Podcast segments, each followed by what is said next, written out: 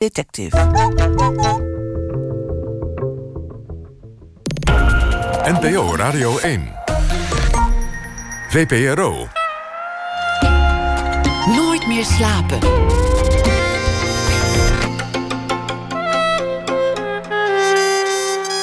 Met Liesbeth Staats. Goedenacht en welkom bij Nooit meer slapen. In aanloop naar de muziektheatervoorstelling Merkel gaat journalist Sophie Derksen met theatermakers, journalisten en andere Duitslandkenners op zoek naar het mysterie Merkel. Hoe groeide een bedeesde natuurkundige uit tot een van de machtigste politici ter wereld? Wie schuilt er achter die mysterieuze glimlach? U hoort het straks na half twee in de podcastserie Radio Merkel. En tot die tijd ga ik in gesprek met de man die naast mij zit, Ramzi Nasser. Acteur, schrijver, dichter en inmiddels ook bijna professioneel verzamelaar.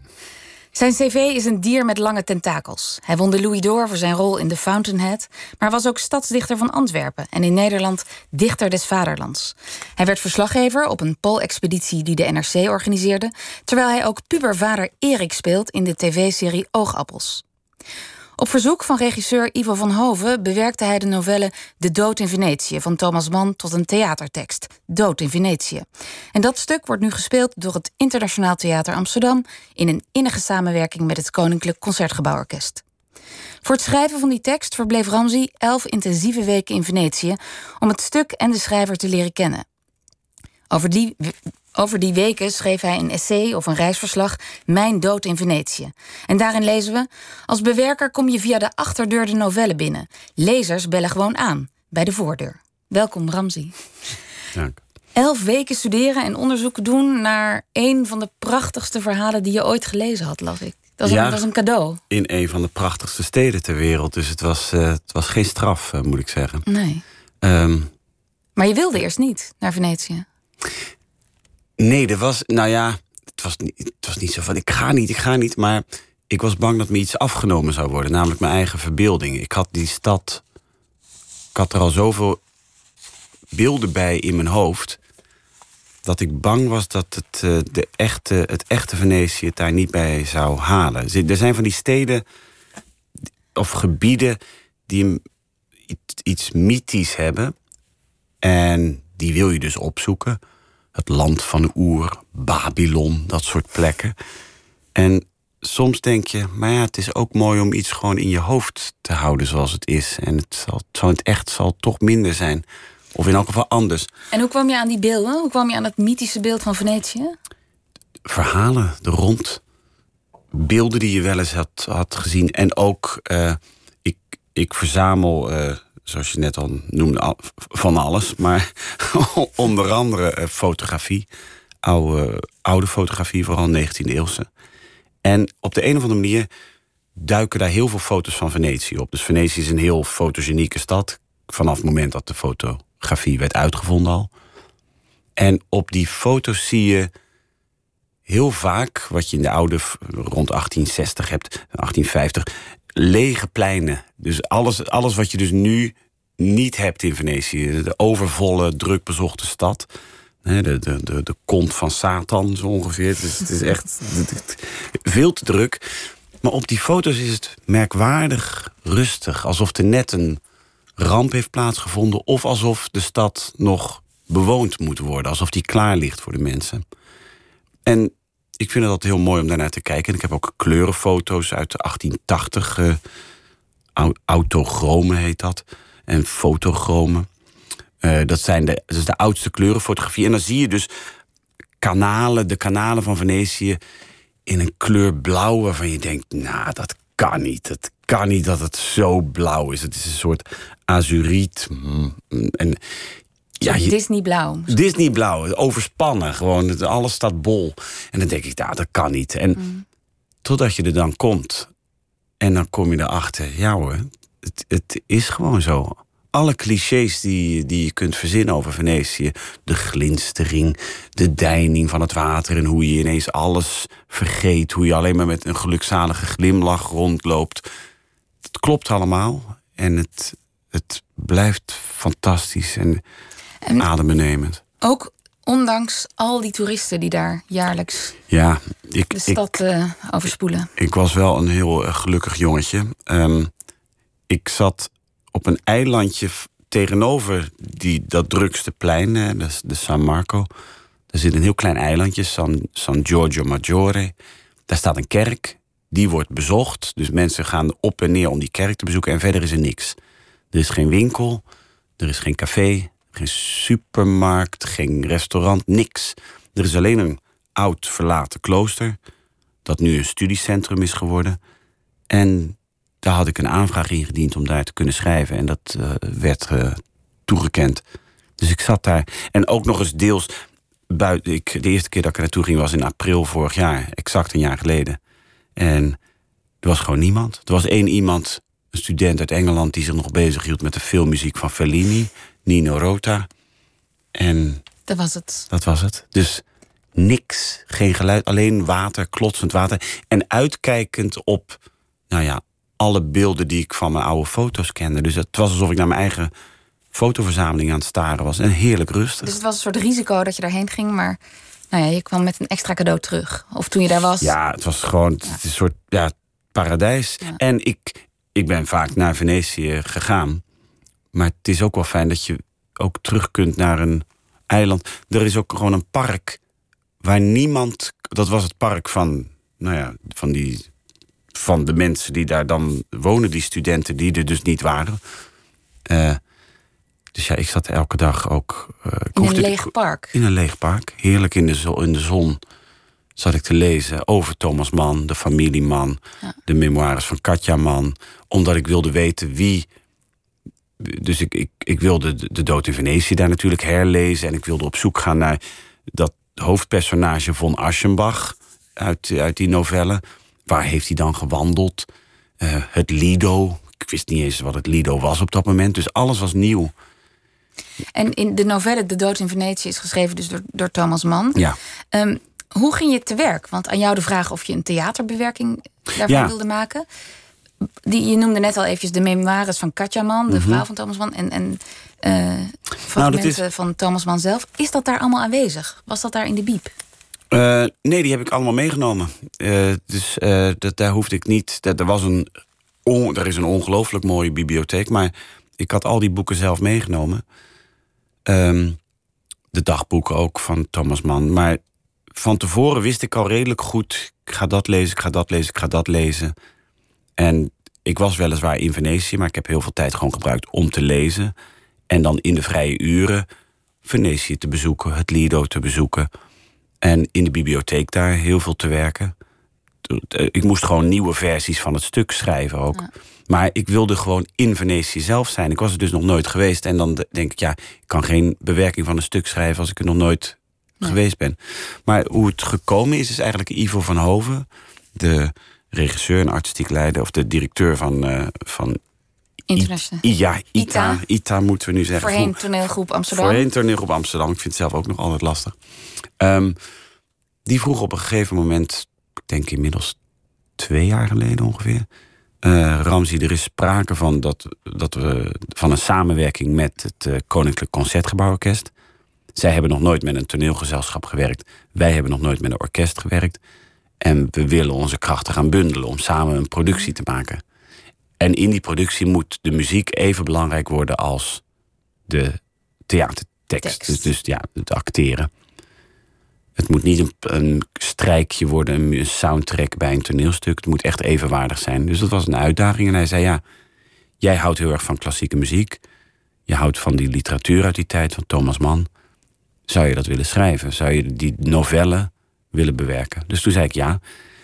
Ik kwam er alleen nog heel snel achter dat het nogal een vergiftigd uh, geschenk was. Omdat.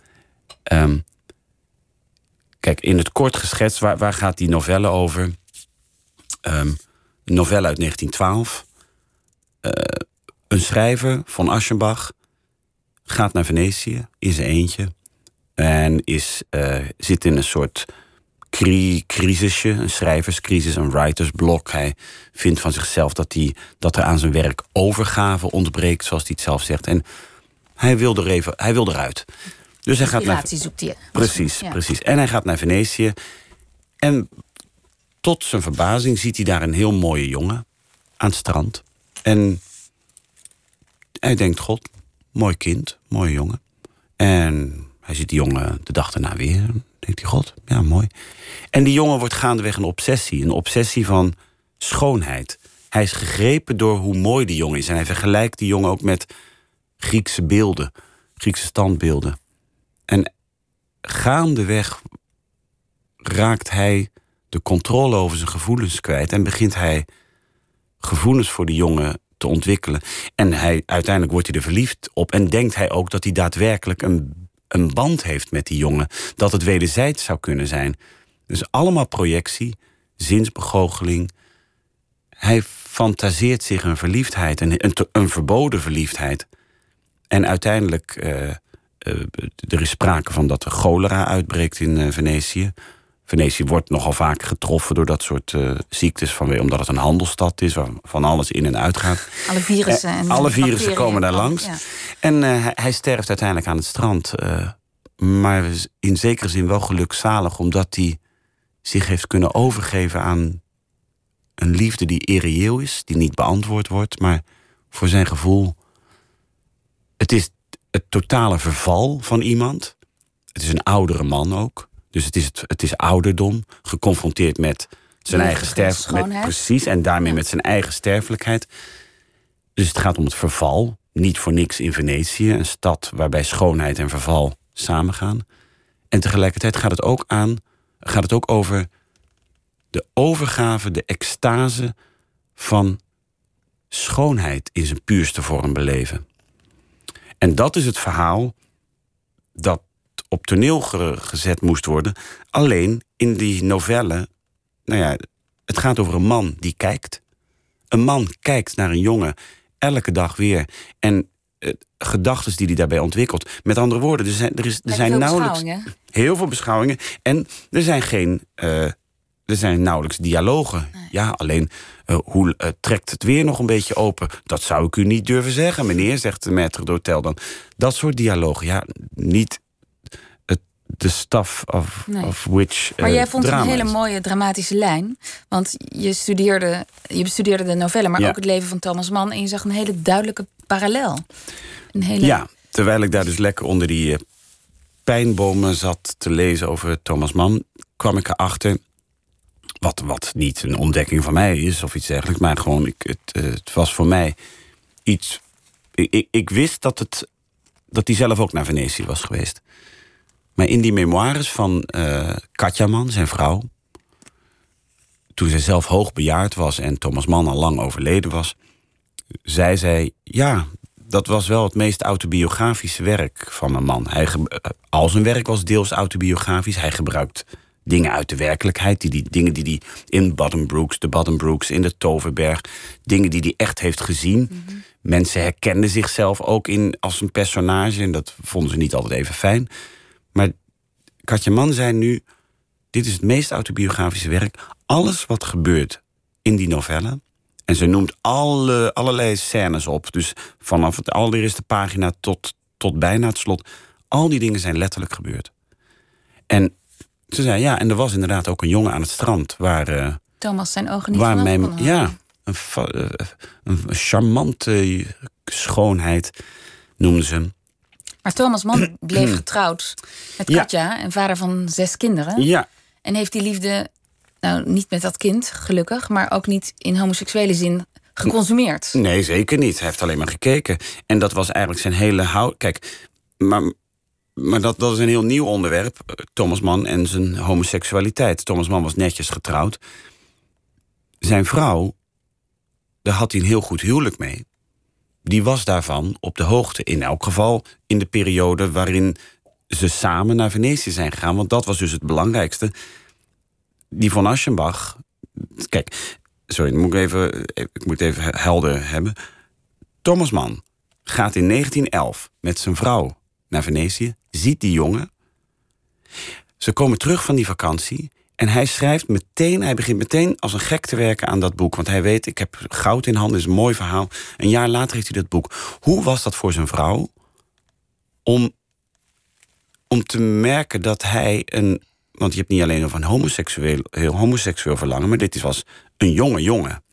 Hoe was het voor haar om te zien dat haar man niet alleen gegrepen is in Venetië aan het strand door die jongen, dat zag ze. Maar ook dat als ze thuiskomen, dat Ja. hij meteen daar een heel mooi boek over gaat, gaat schrijven. Hij was daar kennelijk heel erg door gegrepen. En ik kwam er gaandeweg achter dat ik, omdat het zo autobiografisch was, eh, dat ik Thomas Mann en Katja Mann zelf ook moest opvoeren in dat stuk. Dat was ook een idee dat, dat eh, Ivo van Hoven zelf ook had. Van, wil je niet hem als verteller laten opdraven? En ik dacht meer en meer... Thomas Mann is een van de hoofdfiguren in dit toneelstuk. Want Dat zie je ook als, als toeschouwer in de zaal, toen ik het stuk zag.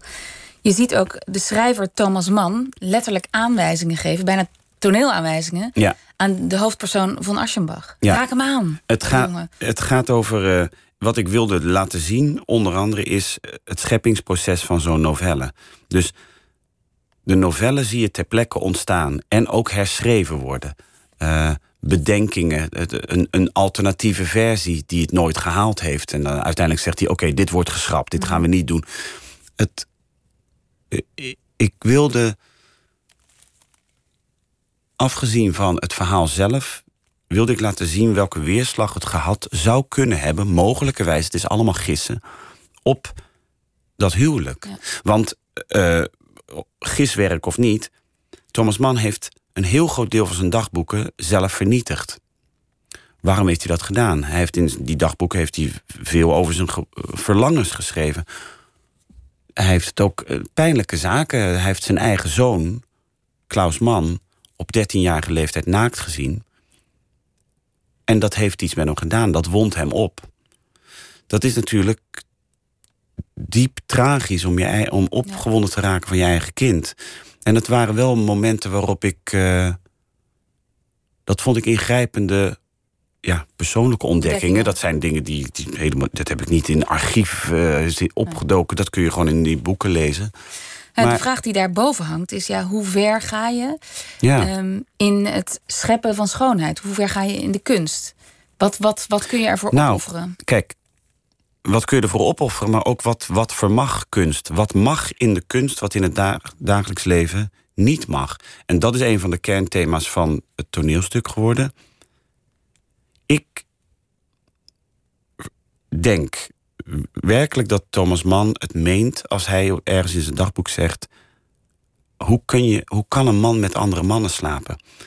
Ik ben ervan overtuigd geraakt dat Thomas Mann een heel andere vorm van homoseksualiteit aanhing. Namelijk één die niet bevredigd hoeft te worden, die niet geconsumeerd hoeft te worden. Zoals je, en ik kon het begrijpen door dichters die wij bijvoorbeeld in ons eigen land hebben, P.C. Boutens, ehm, heeft enorm veel werk, gedichten geschreven waarin het gaat over een liefde voor een jongen, Ja. een man. Maar he- heeft hij dat geconsumeerd?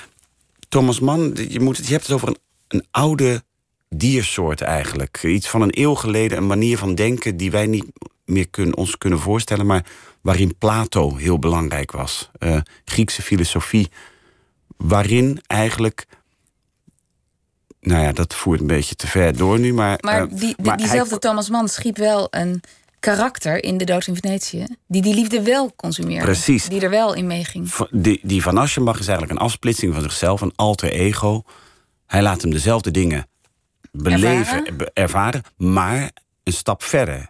Hij laat hem werkelijk zichzelf, zich toegeven aan die verlangens. Dus van Aschenbach drijft, wordt door de schrijver naar de afgrond gedreven. De afgrond van de extase. Want dat was iets wat voor Thomas Mann in het echte leven niet mocht toegeven aan dat soort verlangens. Thomas Mann zag zichzelf als een groot kunstenaar in de zin van. Eh, in de zin van, hij moest het voorbe- goede voorbeeld geven. Een burgerlijk huwelijk. eh, zo, zo werd in die tijden gedacht ho- hoe je als groot Duits schrijver je moest gedragen. Hij had een functie, vond hij. Hij is keurig terug naar München gegaan, Precies. naar precies, Venetië... en leefde zijn leven verder. Precies, met zijn vrouw. Wel ironisch dat twee van zijn zes kinderen echt heel extravert, als je dat zo kunt zeggen, Ja. homoseksueel zijn. Zeker, Klaus Mann en Erika Mann, bi- biseksueel en, en homoseksueel... die schreven in hun werk heel vrij over, over hun drugsgebruik... hun eh, seksuele uitspattingen, alcoholgebruik, hun feesten. En die Dat is maar kwamen... één generatie later. Ja, en Klaus kwam ook heel vaak thuis met vriendjes. En dan, en dan zei, eh, vroeg hij van, mag ik eh, mijn vriend, een nieuw, weer een nieuw vriendje meenemen? En zei Thomas Mann, ja, mits volgens het decorum. Dus Ja. het decent, mits decent. Dus Thomas Mann vond ook, eh, don't show. Gewoon, je, je, je mag homoseksueel zijn, maar je moet het niet uiten. En Enerzijds hele... vond ik dat heel treurig. Want dat betekent dus dat je dus je. Ik vond het heel treurig om te kunnen zien dat iemand zijn diepste emoties niet kan uiten. Hij kan niet altijd zeggen wat hij voelt, wat hij denkt. En tegelijkertijd. Misschien leven wij wel in een tijd waarin wij veel te veel toegeven aan. Ik voel dit, dus ik zeg het. Ik, ik, ik vind dit, dus ik handel ernaar. Hij dacht werkelijk.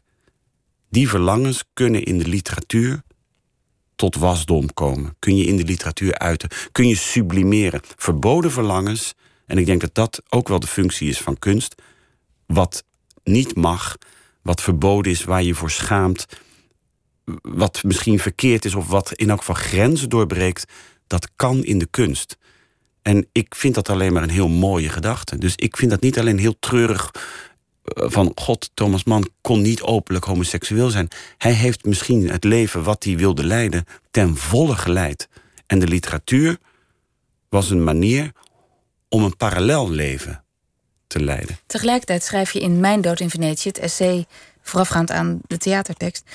Nou, poehé. En, en toen ik erachter kwam dat hij verliefd was op een kind. Nou ja, dan moest ik ook wel even twee keer slikken. En, Ehm, wat ja. moet ik hiermee? Ja, dat is iets.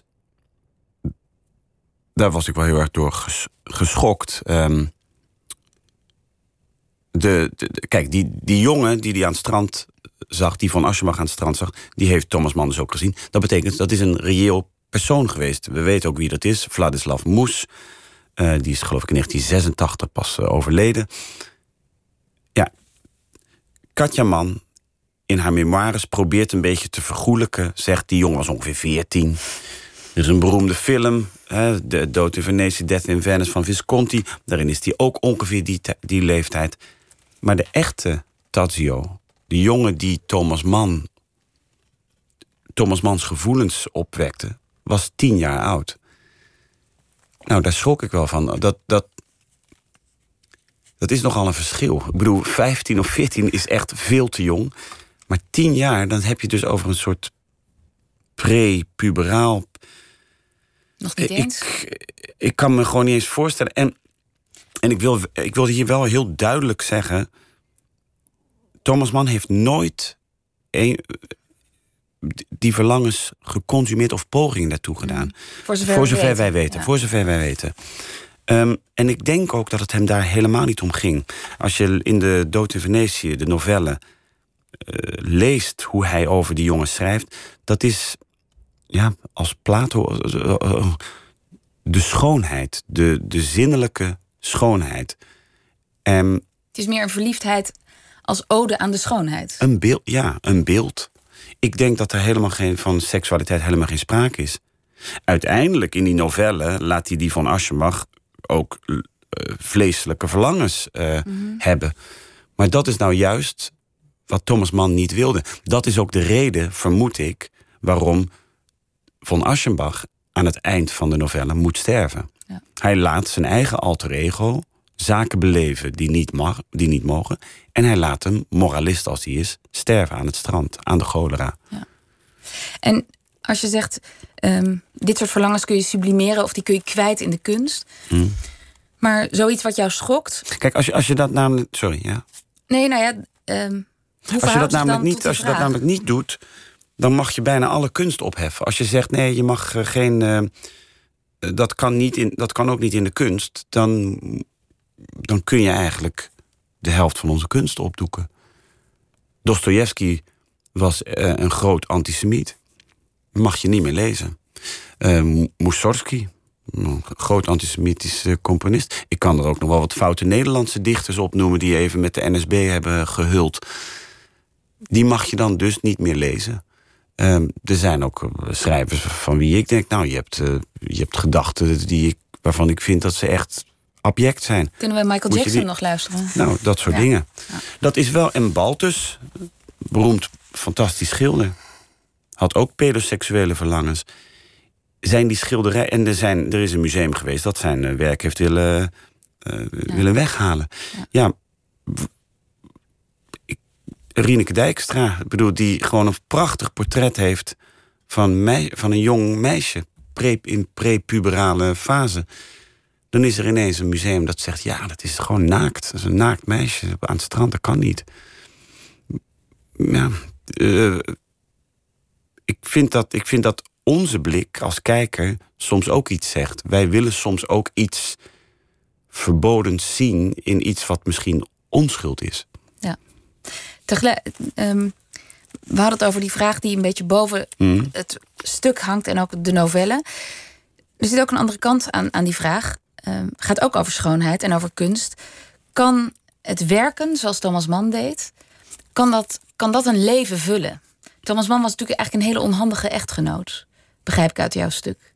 Nou ja, onhandig. Zo, zoals uh, in die tijd nogal gewoon, gewoon was. Veel mensen die opgroeiden in die tijd kenden weinig anders van hun vader dan de geur van sigarenrook. En kunnen zich niet herinneren ooit een knuffel van hun vader gehad hebben. Dat was in die tijd redelijk courant. En Thomas Mann was iemand die gedisciplineerd werkte. Hij had een vast ritme om te schrijven. Hij wenste niet gestoord te worden. De wereld bestond pas na de lunch. En zelfs daarna was er nog een vast schema. En nou, een aangename vader. In de opvoeding was hij niet, nee. Nee, die indruk kreeg ik ook niet, nee. Nee, hij, hij klaagde daar ook over. Van de, de kinderen stormen en ze, ze, jengelen. Hij wist ook, er is een heel ontroerend dagboekfragment waarin hij spreekt over uh, uh, een van zijn dochters. Daar is hij alleen mee gelaten en is Katja even weg. En hij, hij het, het kind huilt en hij weet niet wat hij moet doen. En hij is bang, dat is heel ontroerend vond ik, dat hij is bang om haar vertrouwen te verliezen. Omdat hij niet weet wat hij moet doen. Hij was iemand ook, hij wist ook niet waar het geld lag in huis. Als er iemand aan de, aan de deur kwam, um, die had gereinigde pakken, kwam die langsbrengen. Dan was Katja niet thuis. Die moest die onverrichte zaken terugsturen. Want hij had geen idee waar geld lag in het huis. Dus dat was, ik noem het onthand. Het is iemand die praktisch gezien een onbenul is. Katja Man was degene die het hele leven van de grote schrijver faciliteerde. Zonder Katja Man was er geen Thomasman. En uh, zij was niet alleen huisvrouw of degene die zich met de opvoeding van de kinderen bezighield. Zij heeft ook zijn hele. Ja, zij faciliteerde zijn zij leven. faciliteerde alles, maar ook de financiën. Zij hield alles draaiende. Zij was eigenlijk de liefdevolle CEO van de firma Man. En dat vond ik wel heel mooi, want dat is een. Of mooi. Het, het, ik, ik heb me op de een of andere manier altijd aangetrokken gevoeld tot dat soort types. Licht onthande mensen. Leopold, um, Lodewijk van Dijssel, Dmitri Shostakovich als componist die gewoon hyper. En wat trek je daar dan in aan? Het ongemak, het, de, het, de onkunde om in het dagelijks leven te kunnen functioneren. En vind je dat dan aandoenlijk of vind je dat ook aantrekkelijk? Nou, nee, aantrekkelijk niet. Ik vind het aan. Ik, en aandoenlijk eigenlijk ook niet. Ik vind het. Het is tragisch. En in het geval van Lodewijk van Dijssel is het tragicomisch. Ik lig plat als ik over Lodewijk van Dijssel uh, lees. Maar er is een, een onmogelijkheid voor sommige mensen om sociaal te zijn. Het zijn mensen die in hun schulp zitten. Ze kunnen zich niet uiten. En op de een of andere manier heb ik daar een zwak voor. Misschien omdat ik zelf, ik zit nu ook de hele tijd te lullen, te lullen, te lullen, te lullen. Maar daarvoor ben je gevraagd? Ja, daarvoor ben ik gevraagd. Maar ik, ik praat ook nogal makkelijk. En dat vind ik soms nogal vervelend. En ik heb een zwak voor mensen die daar minder mak makkelijk in zijn, omdat ik dat met een zekere oprechtheid associeer. Het ongemak om dus om small talk te kunnen voeren. Mensen die iemand als Broekner ook, weet je. De onuitstaanbare man moet dat geweest zijn. Maar wat een symfonieën. Dus, dus het gaat om mensen die in het dagelijks leven... dat leven eigenlijk niet aankunnen. Worstelen, gewoon onthand zijn, sukkeltjes zijn... Maar in, Tegelijkertijd in de kunst in de tot kunst, grote hoogte komen. Ja, gewoon de mooiste kunst denkbaar maken. en daar vrij kunnen ademen ook. We gaan er straks verder over praten. En dan horen we ook een nieuwe aflevering van de podcastserie Radio Merkel. Dat en meer straks na het nieuws van 1 uur.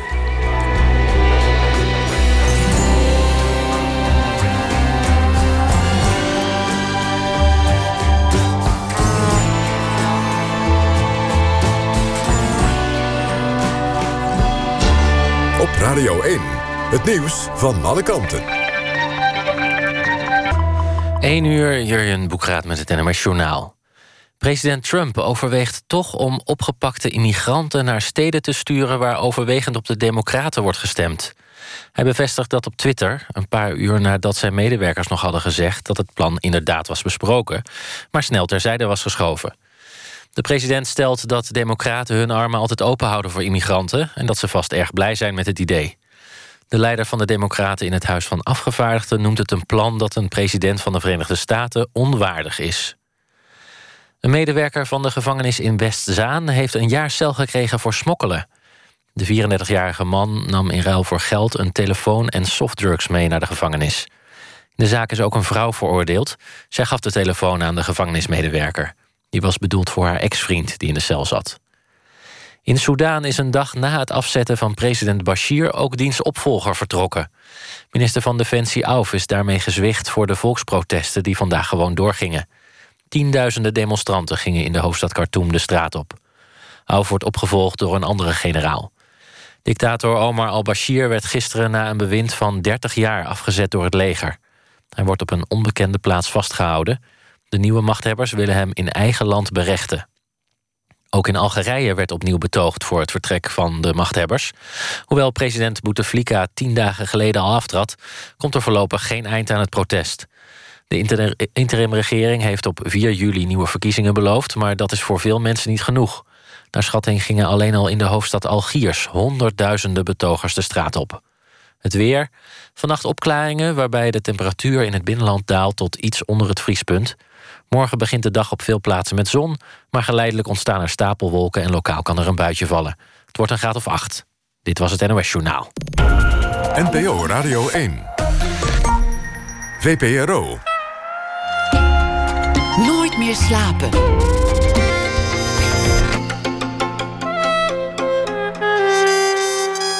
Met Liesbeth Staats. Welkom terug bij Nooit meer slapen. Naast mij aan tafel zit nog steeds Ramzi Nasser. Voor het nieuws hebben we het onder meer gehad over de stad Venetië. Het onderzoek dat hij daar deed voor de toneelbewerking Dood in Venetië. En over de vraag, omdat de hoofdpersoon verliefd wordt op een jong kind, hoe ver mag je gaan voor kunst? Welke offers mogen er gebracht worden ten bate van de schoonheid? En Ramzi, we hadden het voor het nieuws eindigden we ehm, met de vraag uh, over wat het persoonlijk met jou deed. Want in dit boek, het essay wat je schreef bij de toneelbewerking, mhm. zeg je, ja, toen ik in Venetië was en dat onderzoek deed, ik wist op een gegeven moment, dit moet heel persoonlijk worden. Dit moet ook over mij gaan. Ja. Waarom? Kijk, ik had. Mm, aanvankelijk dacht ik, god, ik hou van dat soort schrijvers. Hè, begin 20e eeuw, eind 19e eeuw. Tegelijkertijd is, is leef ik in een compleet andere tijd. Dus uh, herken ik mezelf ook weer niet in ze. Dus er is ook een enorme afstand. Je denkt, ja, dat ook de tachtigers ben ik ook gek op. Maar dan denk je, ja, Willem Kloos, Herman Gorter, dat kan gewoon niet meer. Die, die goden van vroeger, dat... Nou ja, hoe dan ook, dat vond ik, uh, heb ik altijd interessant gevonden. Maar ik heb ook gedacht van dat zijn uitgestorven diersoorten. En waar komt dat vandaan? Dat je, dat je, Nou, dat dacht dat, ja, dat, dat, de, zoals ze überhaupt dachten wat kunst vermag. Mhm. Gewoon dat ze zichzelf als priesters zagen. Hoge priesters die een hogere waarheid doorgaven. De tachtigers die de taal opnieuw uitvonden. Ja, dat, daar moeten, moeten wij niet meer mee aankomen. Wij moeten, wij moeten, en dan tussen aanhalingstekens... midden in de maatschappij staan. Anders krijg je ook geen, geen subsidie. Dus je moet altijd je maatschappelijke relevantie aantonen. Terwijl dat was in die tijd totaal niet. Ik bedoel, maar ik, ik besefte hoe meer ik over Thomas Mann nadacht en erover las en van hem las, dacht ik, ja, eigenlijk lijk, lijk ik er tot mijn schrik wel een beetje op. Ik heb ook dat, dat onthandelen, een beetje het verstrooide. Misschien is het wel iets dat eh, veel schrijvers en schrijfsters uh, aankleeft. Het uh, in het dagelijks leven misschien niet al te. Ik, ik word vaak door mijn collega's bij, bij ITA. Ja, gekscherend dan voor de grap. Ook een soort. Ja, nou, daar is het autistje weer. Dat, ik, maar geef eens een voorbeeld. Ja, ik kan. Nou ja, bijvoorbeeld. Dat, waar ik dus. Ik zit thuis en ik ben zielsgelukkig. Ik heb een hele verzameling. Uh, gesteentes, fossiele trilobieten, opgezette dassen en opgezette vogels. Ik heb gisteren weer een, gla een opgezet, uh, gekocht. Ik vind dat fantastisch. En ook oude foto's, uh, oude foto's uit 1850. Ik, je, je ik hebt vind een dat zo mooi. Ja, ik heb een soort wonderkammer Dat is thuis. een fenomeen uh, uit de 17e eeuw, geloof ik. Ja, het begon in de 16e eeuw, eind 16e eeuw. De, ja, een soort dat- dat je- verzameling curiosa. ja, dat je de wereld in je kamer Ja. hebt. Eigenlijk alle curiositeiten van over de hele wereld. Een kokosnoot in een tijd dat, dat je dat nog niet in de supermarkt eh, kon kopen. Ehm, dat en daar zit dingen. jij dan en dan ben je Nou zielsgelukkig. ja, ik zit daar dan maar Mijn hele huis is een soort wo- wonderkammer. Ja, ik ben heel erg gelukkig daar. Maar ja, ik weet, ik weet ook wel dat het niet heel erg... dat ik er niet heel veel vrienden mee maak. Ik bedoel, ik... En ik kom, maar eigenlijk, gaat, eigenlijk gaat het om iets anders. Als ik schrijf, ik zit heel veel binnen. Om te schrijven. Het is buiten lekker weer. Ik kan ook gaan wandelen, leuke dingen doen naar het strand, naar het café of het Ja. terras of wat dan ook, op vakantie gaan. En toch vind ik het fijner om thuis te zitten. Dat zeg ik op dat moment zelf niet. Nee, op dat moment zelf denk ik. Ja, maar dit boek moet af. Helaas, ik heb een deadline. Dus ik moet dit afschrijven, ik moet dit afschrijven. En eigenlijk is dat een drogreden. Die deadline, ook als die deadline gehaald is. dan ga ik misschien wel één of twee keer iets leuks doen. Maar dan is, er wel weer dan is er weer iets nieuws Ja. dat gaat gebeuren. Misschien hou ik er gewoon heel erg van om dat te doen. En ik- ben tijdens, door daar te zijn In Venetië? eh, in Venetië. heb ik tijd ge- genoeg gehad om na te denken. En ook erachter te komen dat ik wel mis- misschien ook wel een beetje zo iemand ben als Thomas Mann. Niet qua kwaliteit, maar qua instelling. Gedisciplineerd willen werken. En wat is nou eigenlijk. Is dat nu eigenlijk erg? Dat was de vraag die ik mezelf stelde. Moet ik deelnemen aan het echte leven? En zo ja, wat is dan dat echte leven? Is dat. Nou ja, wat, is het echte leven? Ik kwam. Ik, ineens stelde ik mezelf de vraag: als ik een boek lees. En hetzelfde is eigenlijk als je een boek schrijft. Maar laten we even beginnen met lezen. Je leest een roman. Dat zijn gewoon letters op papier. Inkt. Dat vormt woorden. Die woorden, dat zijn zinnen. Door die te lezen, een zin die gaat over een strand aan Venetië, ben je ineens in Venetië, op een strand. Dat doen je hersenen dus. Du- Dus dat is een soort. Dat vind ik iets magisch. Je kunt dus thuis zitten op de bank of waar dan ook. en in een parallele wereld zijn. Die is geschapen door een schrijver of een schrijfster. Dat is dus iets. Ik, ik, ik kom er vaak achter dat als ik een boek heb gelezen. Dat dat, dat dat voor mij veel intenser overkomt.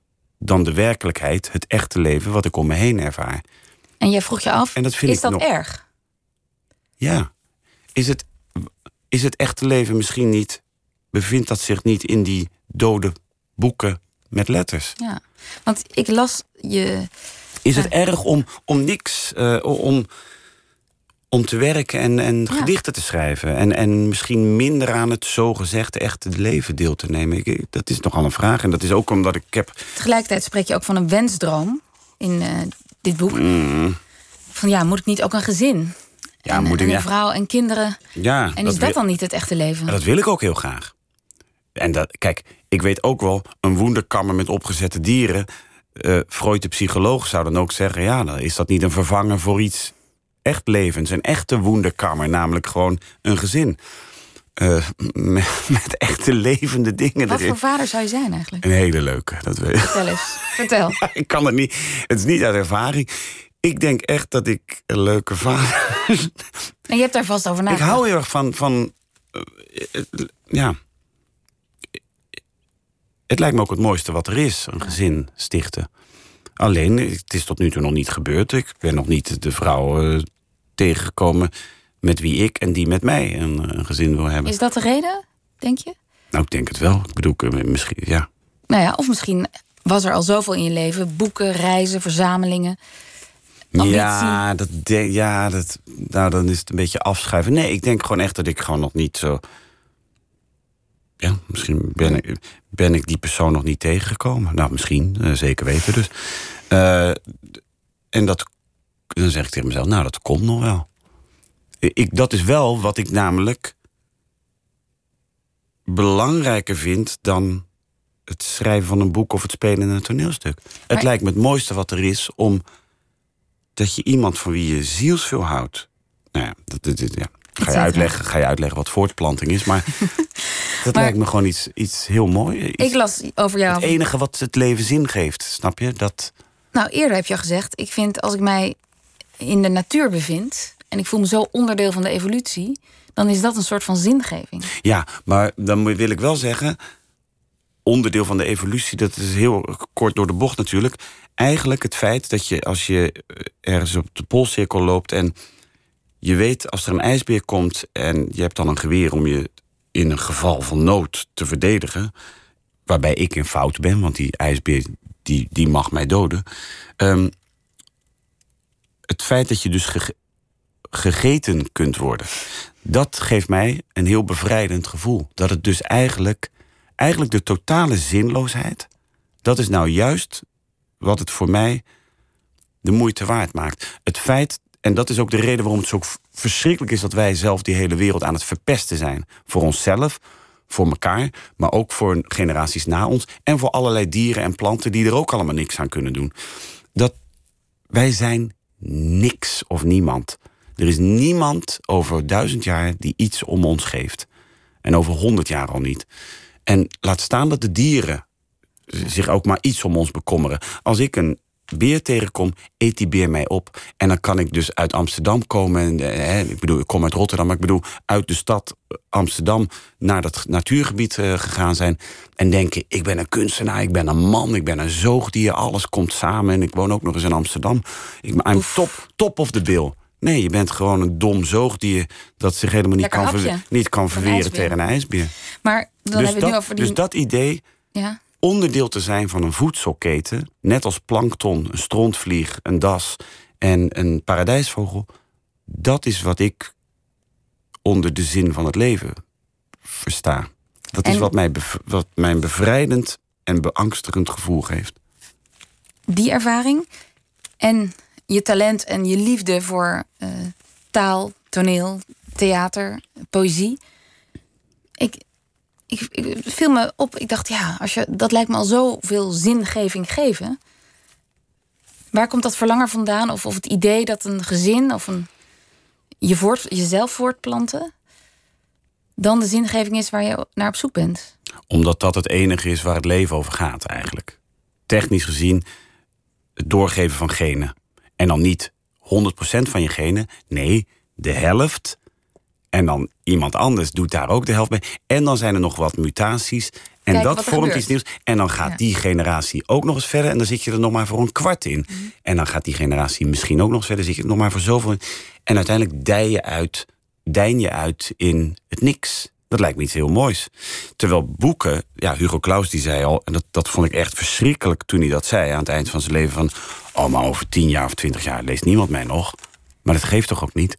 Toen dacht ik, Jezus, als je dat van je, over je eigen werk, waar je je hele leven over hebt gedaan, en je hebt zulke fantastische boeken geschreven, je bent de grote schrijver van België. Als je dat al vlak voor je dood zegt, van ja, stopt eh, over tien jaar, twintig jaar, leest niemand me meer, dan ben ik vergeten. Dan denk ik, Jezus, wat, wat, wat een zelfinzicht. En wat een pijnlijk zelfinzicht. Want ik zeg dan, nou, dat is helemaal niet waar. Wij lezen je nog. Maar ja, als je het eh, groter beschouwt, over 10.000 jaar, wie Johann Sebastian Bach is, nou, dat weten ze dan niet meer hoor. Behalve Johan Cruijff, die onthouden ze misschien. Uiteraard. Ehm, we gaan even naar muziek luisteren. En dat is iemand die jij kent Wannes van de Velde. Ah, wat fijn. En nu ga ik het fout uitspreken. Corrigeer me. Hier is hem terug. Hier is hem terug. Dank je.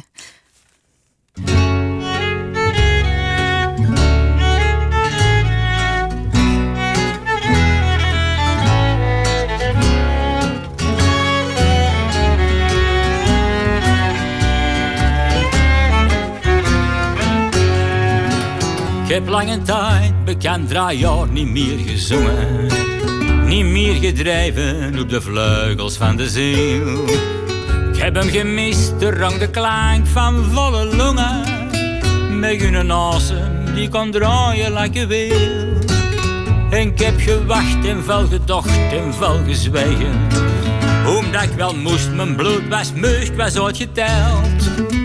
Maar is voorbij, ik kon weer verdwalen langs de wegen. Met mijn gitaar, ik heb er te lang niet op gespeeld. Hier is hem terug, hier is hem terug. Met zijn moed en zijn twee handen. Hier is hem terug, hier is de zanger met zijn stem en zijn verhaal. De muzikale Don Quixote der lieve landen. Op zijn duurtocht langs de wegen van de tol.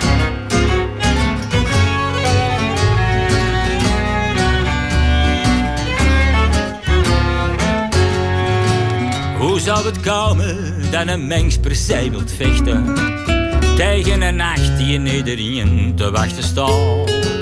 Geloof me vrij, ik heb hem gezien, het is geen slechte. Ik zag een land waarin dat pijn niet meer bestaat. En ik heb gezegd, laat toen maar gaan, ga nou niet klagen. En zing het liedje van Oh Death, where is that sting? Maar mijn tijd was, laat je zee nog niet voldragen ik heb in de spiegel nog geen engelen gezien. En hij is terug, hier is hem terug. Met zijn moed en zijn twee handen, hier is hem terug. Hier is de zanger met zijn stem en zijn verhaal. Een muzikale Don Quixote der lieve landen. Op zijn duurtocht langs de wegen van de tol.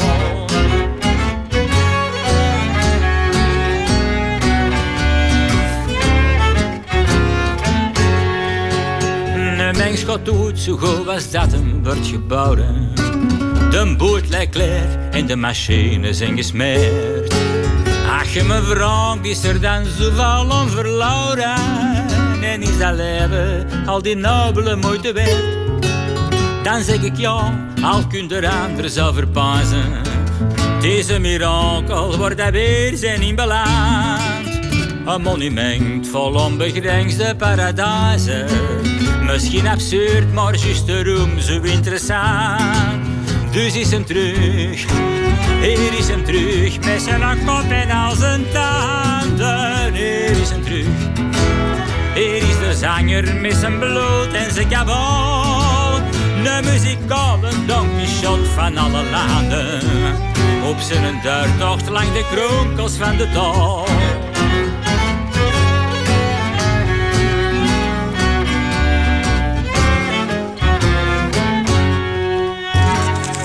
Wannes van der Velde.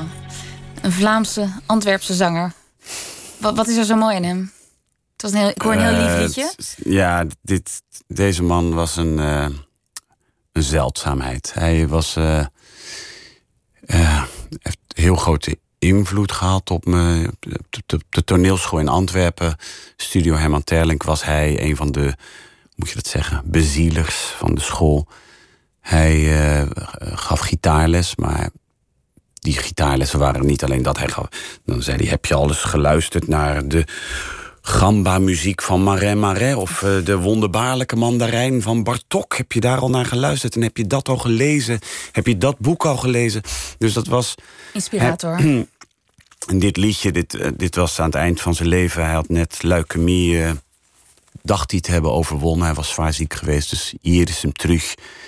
Daar, daar ben ik weer eigenlijk. En, en een paar jaar later was hij als, alsnog geveld eh, door die ziekte. Ehm, Een dierbare zanger is dit voor jou. ja, want hij, hij, kijk, waarom?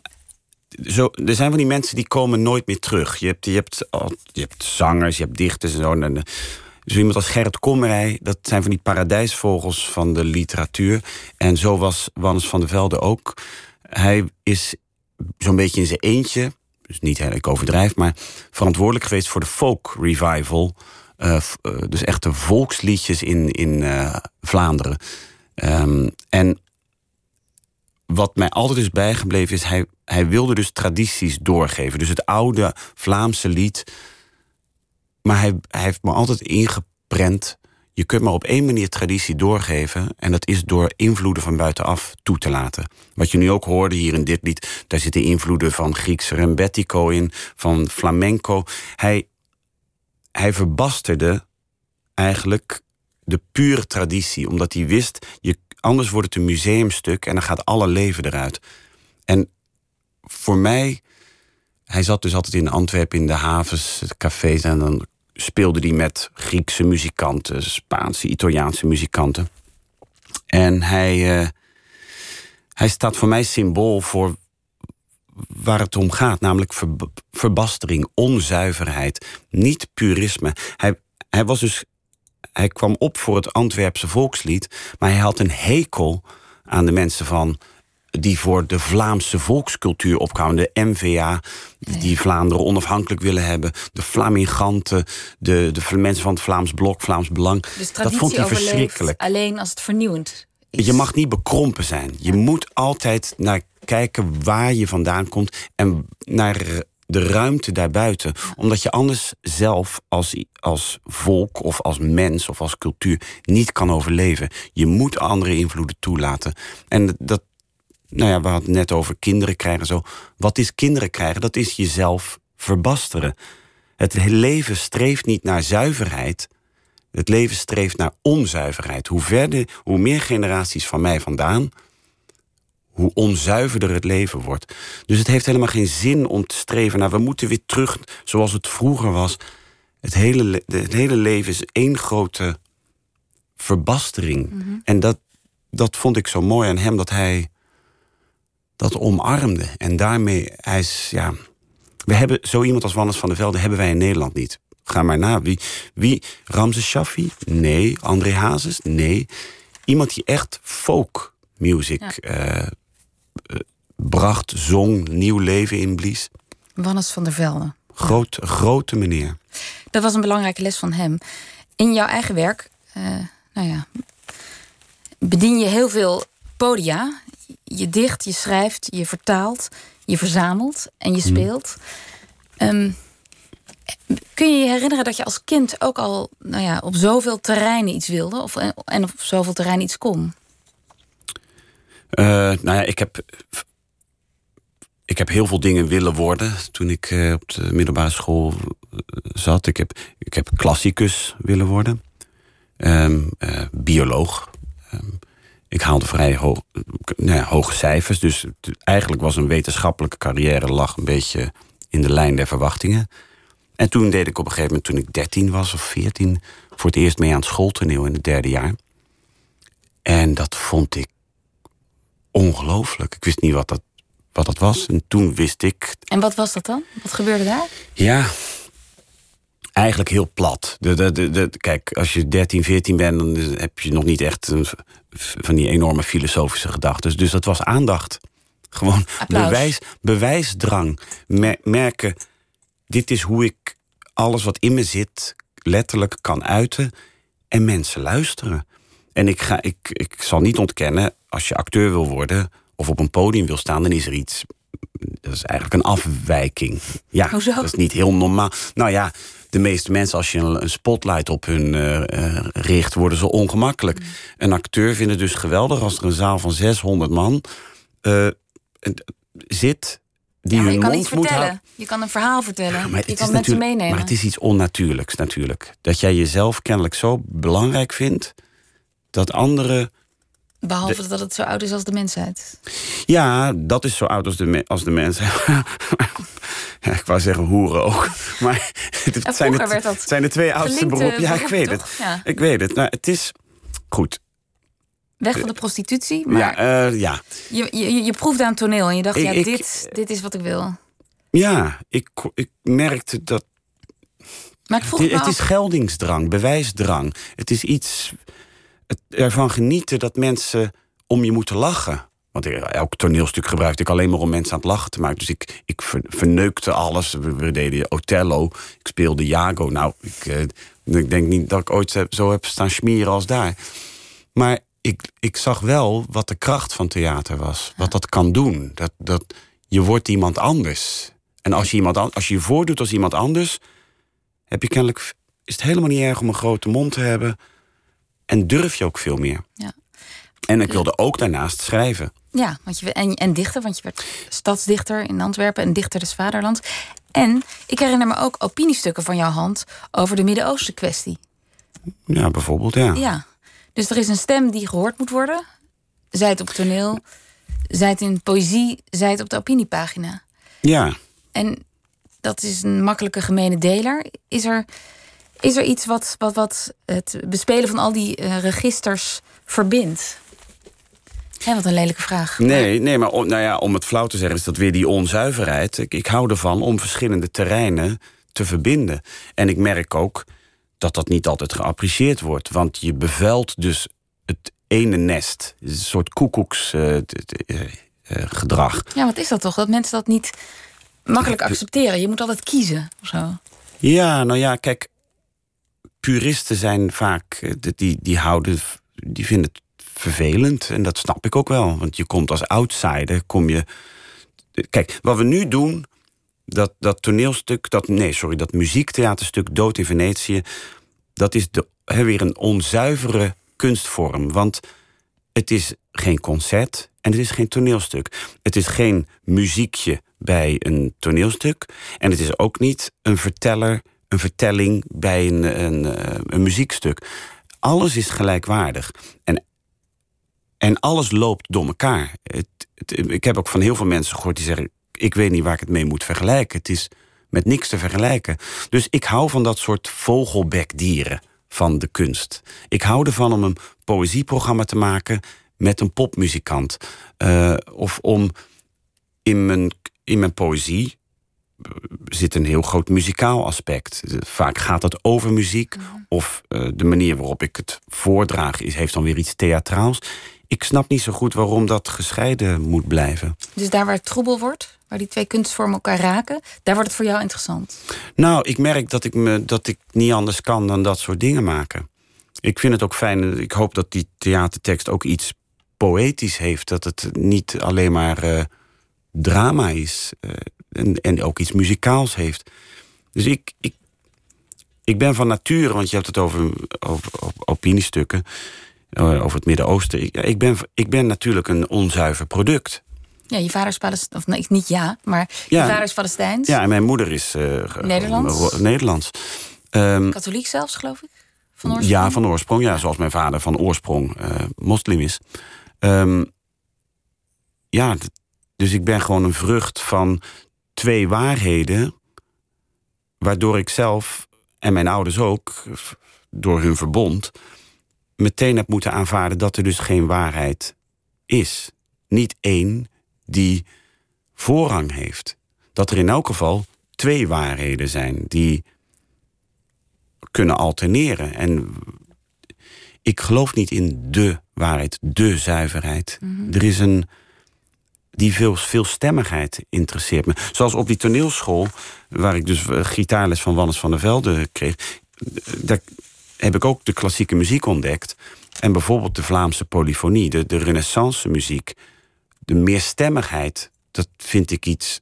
Daar gaat het over. Dat meerdere stemmen die samenkomen, waardoor er eigenlijk geen echte melodie meer te horen is, maar alleen maar stemmen waarbij de een het van de ander overneemt. Waarbij je eigenlijk moet ervaren, er is geen kern, er is geen ego.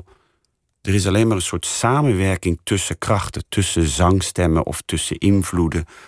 En dat vormt het weefsel van het leven, maar niet één waarheid, één stem. En wat dat betreft heb je dus een enorme kickstart gekregen in het gezin waar je uitkwam. Ja, nou, maar Uitkomt dat vond ik aanvankelijk ook niet zo'n eh, eh, zo'n grap. Eh, Ik bedoel, ik weet nog dat ik me... Als je, als je als zoekende jongeling aan het kijken bent van wie ben ik nou... Ja, dan voel je je alleen maar verscheurd. Want je wil namelijk, iedereen wil van nature ergens bij horen. Je wil bij een groep horen. Maar als je al van nature merkt, ja, waar, hoor ik, ja, ik hoor er eigenlijk ook niet echt bij. Dan, dan ga je dus, dan moet je dus je buiten een bepaalde groep bev- bevinden. Als toeschouwer sta je er altijd buiten. Maar dat is wat een schrijver automatisch doet. Aan de rand staan en kijken naar het leven en dat beschrijven en daar genoegen in vinden. Nou, die, die, die zoektocht naar die meerstemmigheid, naar die onzuiverheid, heid, heeft in ieder geval een prachtig muziektheaterstuk opgeleverd. En een mooi essay en een theatertekst in boekvorm uitgegeven bij de bezige bij Mijn Dood in Venetië. Dankjewel, Ramzi. Heel graag gedaan. Dank je.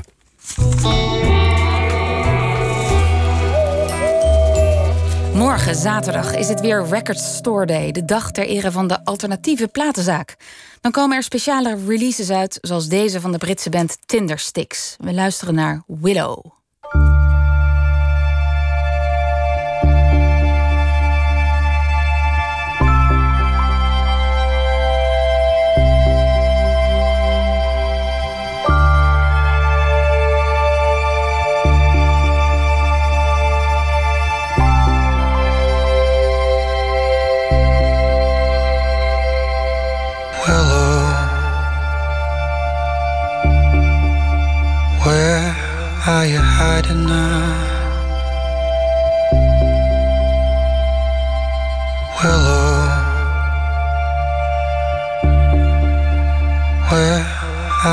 Hiding now?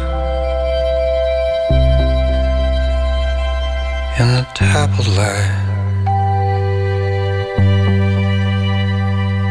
deep in the tree. Spiders and centipede crawl across your hands, across your knees. Willow,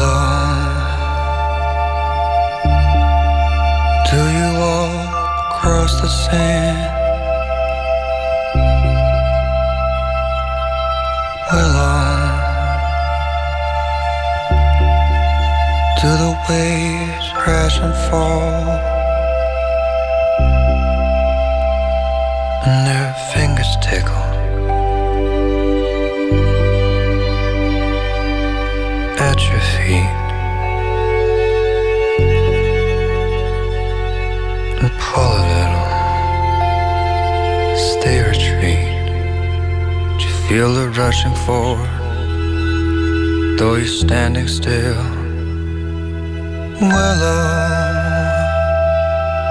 uh, are we rushing forward? Are we standing still? Willow, uh, are we rushing forward? Are we standing still?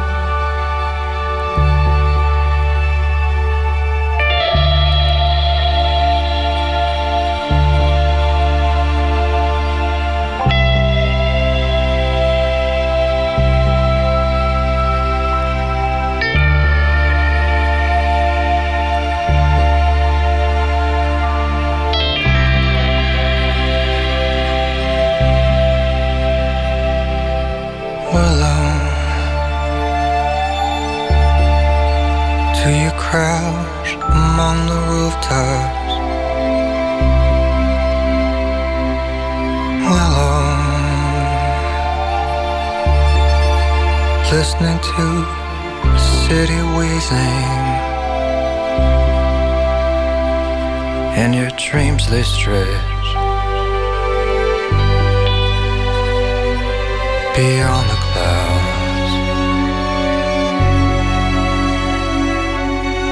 past the moon and to the stars. You feel the rushing forward, though you're standing still. Willow, are we rushing forward? Are we standing still? Willow, does this love En dit nummer zou u kunnen kennen van de film High Life, die op dit moment in de bioscopen draait. Willow was dit van de Tindersticks. Nooit meer slapen. In de podcastserie Radio Merkel gaat journalist Sophie Derksen met de leden van 90s Productions, journalisten en andere Merkel-fanaten op zoek naar het mysterie achter een van de machtigste vrouwen ter wereld, Angela Merkel. Vannacht de tweede aflevering, waarin we teruggaan naar Merkels wortels in het vroegere Oost-Duitsland. Met Jeroen Bollaars, voormalig NOS-correspondent in Duitsland, blikt ze terug op Merkels Wir schaffen das. En waarom is juist in het oosten van Duitsland de woede over Merkel zo groot? Ik zou zo graag een keer een avond daar op de bank zitten en gewoon aardappeltaart eten.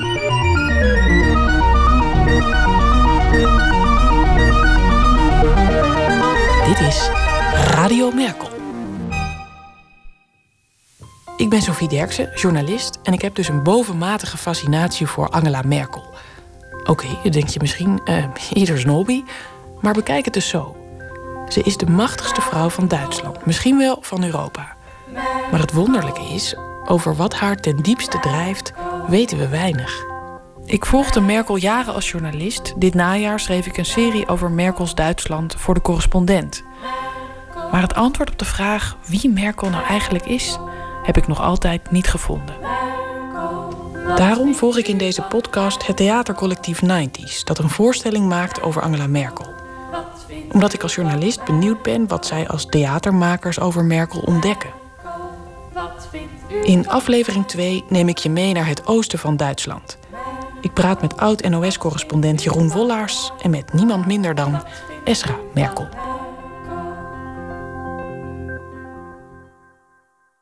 Overal waar ik was of waar ik naartoe ging, was het meteen: haha, is dat jouw moeder? Is dat jouw tante? En soms zei ik het ook, bijvoorbeeld in politiecontroles of zo, zei ik: ja, het is mijn tante, pas maar op. Dit is Esra, ze is Duits, dat hoorde je.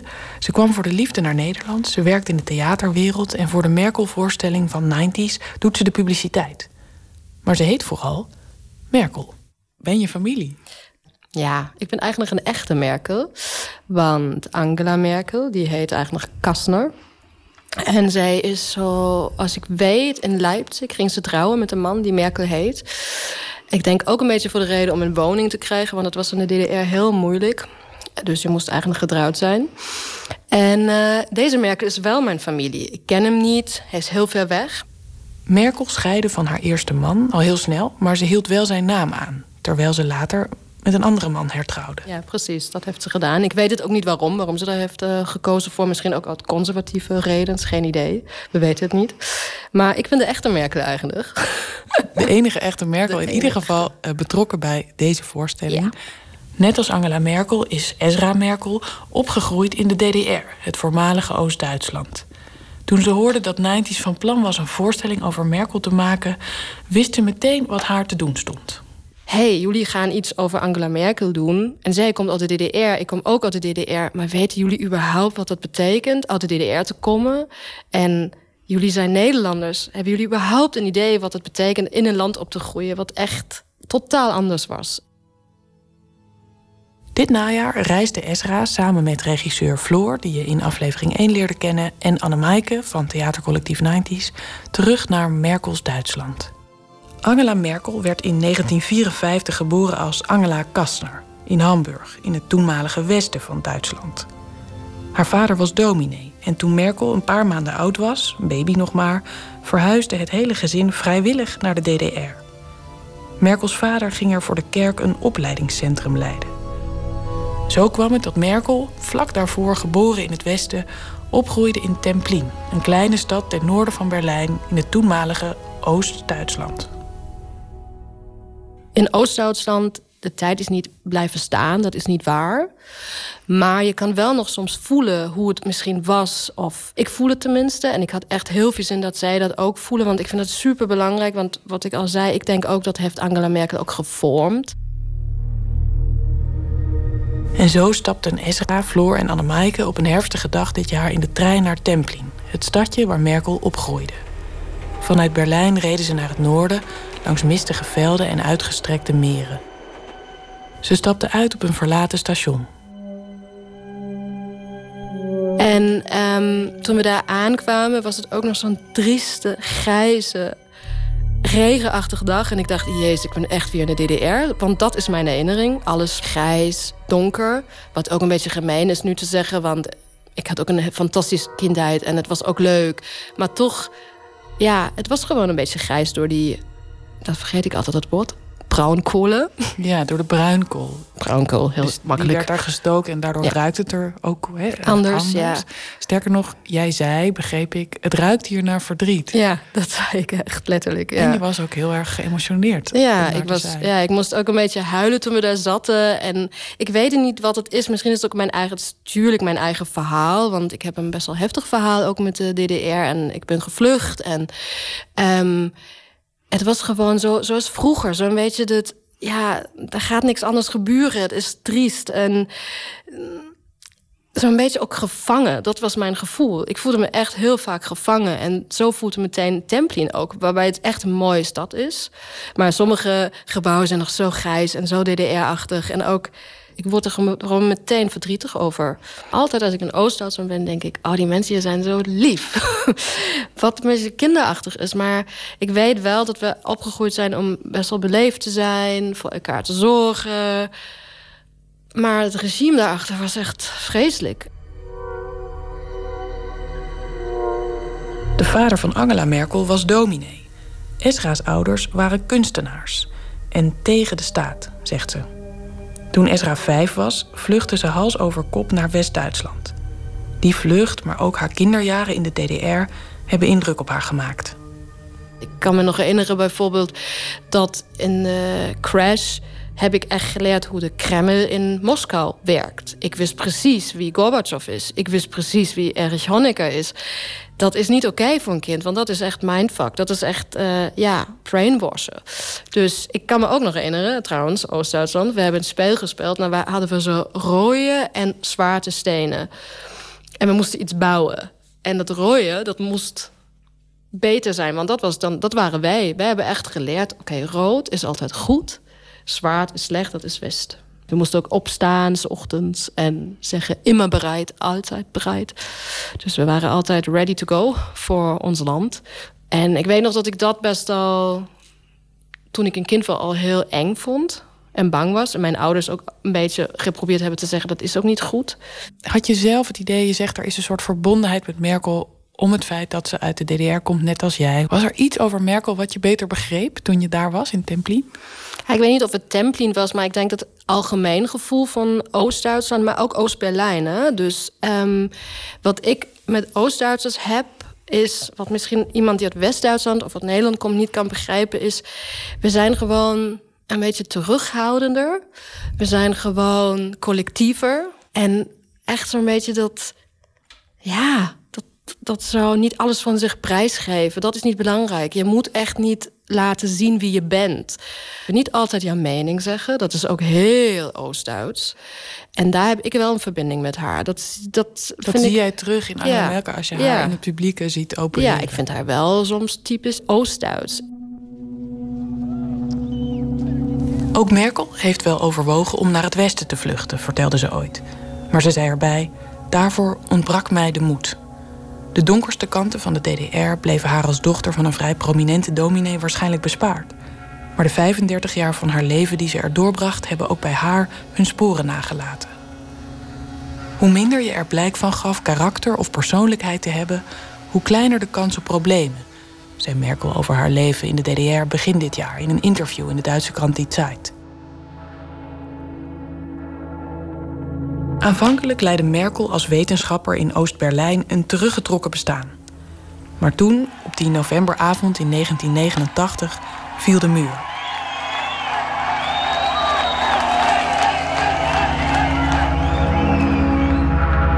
En Merkel nam een beslissing die haar hele leven zou veranderen.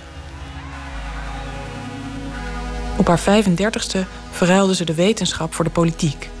Ze sloot zich aan bij een beweging die later in de christendemocratische CDU zou opgaan. De leider van die partij, Helmut Kohl, zag het talent achter haar schuchtere verschijning. Zijn meisje noemde hij haar. Onderschat door iedereen werd Kohls meisje in 2005 de eerste vrouwelijke bondskanselier van Duitsland. Maar ook toen ze al bondskanselier was, werd er nog voortdurend aan haar kunnen getwijfeld. Ik las ooit ergens dat het leek alsof Merkel in die eerste jaren van haar kanselierschap een soort permanent openbaar inburgeringsexamen voor Oost-Duitse vrouwen moest afleggen.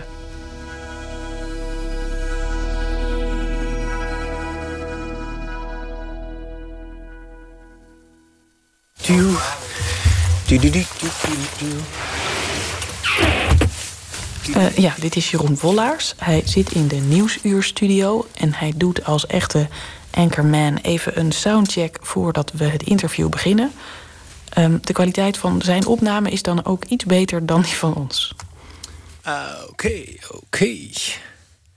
Jeroen was vanaf 2014 NOS-correspondent in Berlijn. Hoe ziet hij Merkel na al die jaren in Duitsland? Nou, misschien kan ik dat beste uitleggen aan de hand van, van een ontmoeting die ik met haar had. Nou, dat klinkt heel groot, hè, want ik heb haar nooit de hand geschud. Maar ik heb haar natuurlijk vaak gezien um, en met haar in dezelfde ruimte geweest. En één keer was ik uh, met haar in Nederland. Ze kreeg uh, een, uh, een, een, prijs van Willem-Alexander en Maxima uitgereikt. En ze stond naast die twee. Ik stond tegenover haar, achter een, een lintje, met vrij weinig journalisten. Mochten weinig journalisten bij dat moment zijn. En um, zij keek me aan en zij keek naar links omhoog. En zij keek naar rechts omhoog en keek mij toen weer aan en moest lachen en haalde de schouders op. Zo van: Ja, ik ben een heel klein vrouwtje. Op een of andere manier kenmerkt haar dat voor mij, omdat ze um, relativeert, uh, heel grappig is. En tegelijkertijd ook ja, een beetje zo die onhandigheid heeft. En een beetje die stuursheid. Of ja, je zou het ook lompheid kunnen noemen. Of je zou het ook een beetje Oost-Duitsheid kunnen noemen. Om van zo'n heel officieel moment toch een beetje de, de spanning af te halen. En de geladenheid af te halen. En het opgeblazene af te halen. Wat, ja, wat zo'n zo, zo Willem-Alexander en zijn vrouw met zich meebrengen. En waarom heeft dat met haar Oost-Duitse wortels te maken, wat jou betreft? Ja, kijk, ik, ik, ik heb in mijn tijd in, in Berlijn. Berlijn ligt natuurlijk in het oosten van Duitsland en vlakbij de Poolse grens. En je merkt daar uh, ja, toch een soort stuursheid. En mensen zijn niet heel snel heel blij en heel open en heel toegankelijk. Er zit een soort, ja, toch ook um, een soort Calimero-complex nog in. Zo van, ja, nou ja, wij zijn... Hè, wat zijn wij nou helemaal? We moeten een beetje meedoen in de vaart der volkeren... maar we hebben wel een hele geschiedenis. Nou ja, maar oké. Zeg maar, dat, dat gevoel van die underdog... dat zit er bij de Oost-Duitsers toch nog wel in. En dat dacht ik op dat moment bij Merkel ook even te zien. Het interessante is natuurlijk, als het gaat over Merkel als vrouw uit Oost-Duitsland... Um, juist daar zijn veel mensen de afgelopen jaren teleurgesteld geraakt in haar. In alle voormalige Oost-Duitse deelstaten is de frustratie groot. Mensen voelen zich in de steek gelaten door hun politici, met Merkel voorop. Aan Jeroen vraag ik: ben je die woede in het oosten tijdens jouw correspondentschap nou beter gaan begrijpen? Ja, zeker. Ik denk dat, dat die woede zelfs um, mijn correspondentschap gekenmerkt heeft. Helmoet Kool heeft ze ooit bloeiende landschappen beloofd... toen de twee Duitslanden herenigd werden. Er zou werkgelegenheid komen voor iedereen. Er zou voldoende geld zijn, vrije tijd, voldoende nou, uh, van alles. En dat kwam er niet omdat uh, alles wat ze hadden, gratis kinderopvang, werk, dat verdween allemaal. Uh, het onderwijs ging achteruit, mensen die konden, die trokken weg. En um, fast forward naar 2014, 2015... wie er wel kwamen in Duitsland, uh, waren de vluchtelingen, waren de migranten. Dus ik denk dat de teleurstelling in Merkel daar... Um, uh, zijn hoogtepunt heeft gekregen met de vluchtelingencrisis. Uh, vanaf het moment dat ik daar kwam, dat was eind 2014... Um, ging Pegida de straat op. Hè? De mensen die mhm. demonstreerden tegen de vermeende islamisering van het avondland. Misschien herinner je je de beelden van de Pegida-demonstranten... die door de straten van Dresden trokken. Ze scandeerden, wij zijn het volk en Merkel moet weg. Dat die demonstraties juist in Dresden plaatsvonden... laat zich volgens Jeroen verklaren uit de geschiedenis van de stad. Ten tijde van uh, Oost-West lag uh, nou, nog steeds Dresden in een dal. Maar de uh, signalen van de televisiezenders uit het westen... die gingen over dat dal heen. Dus in heel Oost-Duitsland kon je um, kennis nemen van het westerse nieuws... en de westerse televisie, behalve daar. Dus in dat gebied ehm, dat dus het taal der aanhongslozen wordt genoemd, omdat die mensen geen contact hadden ten tijde van het communisme met het Westen, even heel grof geschetst, um, leefden en leven mensen die ja, de zegeningen van, van uh, de eenwording, um, en dan zeg ik het heel voorzichtig, niet gemerkt hebben. Dresden had een informatieachterstand op de rest, maar voor het hele oosten van Duitsland in die tijd geldt dat ze in materiële zin het minder hadden dan het Westen. De DDR verdween, eh, het werd één Duitsland. En de politiek van het, het Westen werd ook de politiek van het Oosten. Daar hebben die mensen geen ja of nee tegen kunnen zeggen. Dat gebeurde gewoon. Dat democratische deficit, zoals dat ook wel door onderzoekers daar wordt genoemd... Um, plus al die dingen die we net omschreven: gebrek aan geld, pensioen, werk uh, en een veranderende bevolkingssamenstelling. Um, allemaal over je rug heen. Hè? Zeker in elk geval werd dat zo beleefd, wordt dat zo beleefd en is dat ten dele denk ik ook wel zo. Uh, maken dat, dat Merkel ja, daarvoor verantwoordelijk gehouden wordt en, en absoluut geen populaire persoon is in die contraille. De protesten werden steeds grimmiger. In de herfst die volgde op de vluchtelingenzomer trokken Pegida-aanhangers met een galg voor Merkel door de stad. Intussen ontpopte de AFD, de Alternatieve voor Duitsland, die in 2013 was opgericht uit protest tegen Merkels koers in de eurocrisis, zich tot een steeds fellere anti-immigratiepartij. En juist in het oosten van Duitsland won de AFD steeds meer zetels. In Saxe, waar Dresden ligt, werd ze bij de laatste Bondsdagverkiezingen zelfs de grootste partij. Dat is geen optie. Dat staat in de grondwet. Optie afsluiten is uitgesloten. Mijn gut feeling zegt, laat ze maar komen. De meesten in Duitsland begrijpen gevoelens van vluchten, van gaan, dan... Over dat weerschaffen das. Jij zat in de zaal toen Merkel die persconferentie gaf. Er is natuurlijk heel veel over gesproken, ook door de makers van deze voorstelling. En Floor, de regisseur van de voorstelling, vraagt zich af... was het nou idealisme of vooral pragmatisme om de grenzen niet dicht te doen? Hoe heb jij daarnaar gekeken? Nou, ik vond het eigenlijk toen een, een, heel dapper moment. Omdat ze eigenlijk een oproep deed aan, aan haar bevolking. Waarbij ze zei: Jongens, we kunnen zoveel, dit kunnen we ook nog wel. En pas later ben, ben ook ik gaan denken: wat, wat gebeurde daar nou? Kijk, mijn herinnering aan mijn tijd in Duitsland is dat Duitsers graag doen alsof het um, om waarde en om moraliteit gaat. Dus uh, Merkel heeft altijd gezegd uh, dat het een humanitair imperatief is, een, een, humanitaire verplichting om die grenzen niet te sluiten, om die mensen te laten komen. Um, dat is natuurlijk een, een, een, dat is het mooie verhaal. Um, uh, dat, is het, dat is het verhaal waarmee je moraliteitspunten scoort. Aan de andere kant is Duitsland, als je nou net een stapje terug doet en, bekijkt hoe dat land ervoor staat, is het een enorm vergrijzende samenleving. Het is na Japan het meest vergrijzende land ter wereld. En ze hebben dus ook een schreeuwend tekort aan arbeidskrachten. Duitsland draait op uh, maakindustrie. Uh, anders dan wij in Nederland. Wij zijn een dienstenland, we zijn een vervoersland. Zij maken dingen. Allemaal technische beroepen waar je hooggekwalificeerd personeel voor nodig hebt. Waar je ook personeel voor nodig hebt dat, dat, dat, dat schroeven en moeren draait en kan lassen. Um, ja, en die mensen die raken zo langzamerhand een beetje op in Duitsland. En het was ook de Duitse industrie die zei... we hebben gewoon heel veel mensen nodig. En, ja, dan mogen we denk ik zelf beslissen... of we dat pragmatisme of idealisme noemen. Maar dit was ook de tijd dat uh, Griekenland op het punt stond... om uit de euro te vallen. Dit was ook, het, ook de tijd dat die vluchtelingen allemaal in Griekenland zaten... onder de, de meest erbarmelijke omstandigheden. Um, en Duitsland echt bang was voor uh, het gevaar van een Griekenland dat uh, zichzelf zou opblazen en dat uit de eurozone zou vallen. Onder druk misschien van al die vluchtelingen. Want ja, als je die grenzen dicht zou doen, wat zou er dan gebeuren? Wat zou er op de Balkan gebeuren? Hoe zou dat verder richting Griekenland uh, destabiliserend hebben uitgepakt? Dus dat zou ook grote financiële en economische gevolgen kunnen hebben, die, um, die op de lange termijn, maar op dat moment zeker door, door het hoofd van Merkel gespeeld moet hebben... dat ze de euro en de eurozone uh, bij elkaar wilden houden. Dus al die dingen bij elkaar opgeteld. Ik denk dus niet, ik, ik, ik denk niet dat je kan zeggen... het was het een of het was het ander. Uh, maar dat geldt dus inderdaad voor, voor uh, het idealisme als voor het pragmatisme.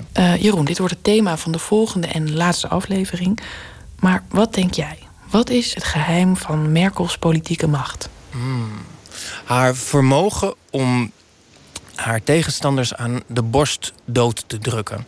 Als een soort vrouwtjespin die haar partner opeet. En um, geen concurrentie meer ondervindt daardoor. Ja, dat is wat ze kan. Kijk, je wordt natuurlijk niet zomaar de machtigste vrouw van de Bondsrepubliek Duitsland. En dat blijf je ook niet al die jaren. Dan, dan moet je ook het politieke spel begrijpen. En wat zij doet, en ik heb het er meerdere keren zien doen, is standpunten van haar tegenstanders gewoon overnemen. En uh, dat tot de haren maken en daar politiek gewin uithalen. Uh, dus het homohuwelijk, daar was ze altijd tegen. Totdat ze merkte in de peilingen dat de bevolking voor was. En toen was ze ineens voor. Nam ze het standpunt van de SPD, van de Sociaaldemocraten over. Uh, sloeg hen dat uit handen. Zij konden er niks meer mee. En zij maakte er mooie sier mee. Dat is wat ze doet. Heeft ze dan zelf een mening? Is wat ik me wel eens afvraag. Weet ik niet helemaal zeker. Maar dit is haar politieke vernuft. Maar nog even, wat je net zegt, dat raakt aan de vraag die bijvoorbeeld regisseur Floor Houwing ten Katen zich stelt bij het maken van deze voorstelling.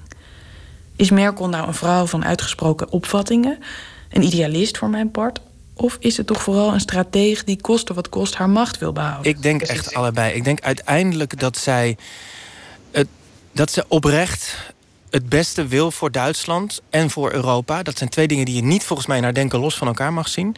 Dat ze daar echt, echt intrinsiek mee bezig is. En dat ze beseft dat om dat te doen, je ook de macht moet consolideren. En dat ze dat. Dat, die, die twee dingen, die kan ze, nou dat laatste kan ze in elk geval heel goed, die macht consolideren. En of ze ook het beste voor Europa heeft gedaan, dat is een oordeel wat ik maar aan de geschiedenis overlaat. Maar, maar mijn indruk van haar is wel dat ze bijna egoloos op zoek is naar wat in haar optiek het beste is.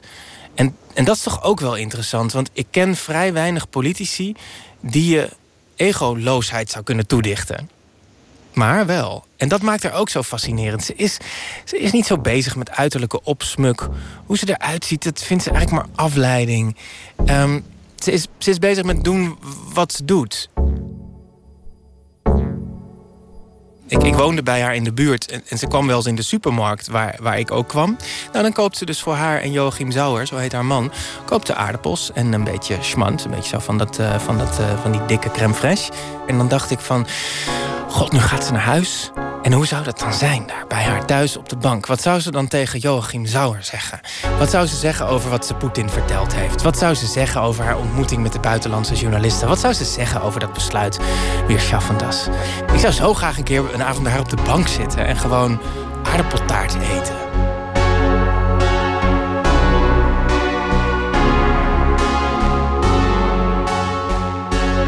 En als je daar op de bank zou zitten, um, welke muziek draait Merkel dan? Of welke muziek welt er nu spontaan in jou op als je aan Merkel denkt? Volgens mij um, iets van Wagner. Um, dat zie ik, dat, dat, dat hoor ik dan wel zo voor me. En dan moest ik ook denken aan, ken je, ken je die tekenfilmserie over, over The Cowardly Dog? Daarin zit een personage, dat lijkt een beetje op Merkel. Muriel heet ze. Um, en Muriel die wordt op een gegeven moment verliefd op de gansgod, Goose God. En de Goose God die speelt muziek van Wagner. En, en misschien is dit mijn associatie muzikaal gezien met Merkel. Merkel verliefd geworden op, een, op, op, op, op de Goose God, uh, luisterend naar Wagner. Denk je dat ik bij mijn verstand ben? Dit was aflevering 2 van Radio Merkel, waarin ik je op zoek naar het mysterie Merkel meenam naar het oosten van Duitsland. Wat Merkel beweegt, je komt er niet achter, zegt ook Ezra. Zou dat dan de erfenis zijn van Merkels opgroeien onder een totalitair regime? Wat Merkel hoe dan ook aan de DDR overhield, was haar lievelingsfilm. Die legende van Paul en Paula. Een prachtig film. Echt een mooie liefdesfilm. Dus Merkel heeft toch een romantische kant? Schijnbaar. Je weet het niet. Ja, denk ik wel. In de volgende aflevering legt Arnon Grunberg uit waarom hij Merkel het liefst persoonlijk de liefde zou verklaren. Oprecht, ik hou van Merkel. Ik heb ook wel eens gezegd, ik zou best aan Minna willen zijn. En vroeg ik de theatermakers van 90s in het repetitielokaal. Wie maken zij van Merkel op het toneel? U hoorde Sophie Derksen met Radio Merkel, een productie van Orkater en 90s Productions in samenwerking met radiomakers De Smet. Volgende week zenden we de derde aflevering uit hier in Nooit meer slapen. En mocht u niet kunnen wachten, dan is de gehele serie ook terug te vinden in uw favoriete podcastkanaal. Maandag zijn we er weer en dan gaat Pieter van der Wielen in gesprek met een van Nederlands belangrijkste modeontwerpers, Jan Taminio. Zijn label bestaat 15 jaar en op 21 april presenteert het Centraal Museum in Utrecht een grote tentoonstelling met zijn werk, getiteld Jan Taminio Reflections. Dat onder meer maandag. En straks kunt u luisteren naar De Nachtzuster van Omroep Max met Astrid de Jong. Ik wens u een goede nacht.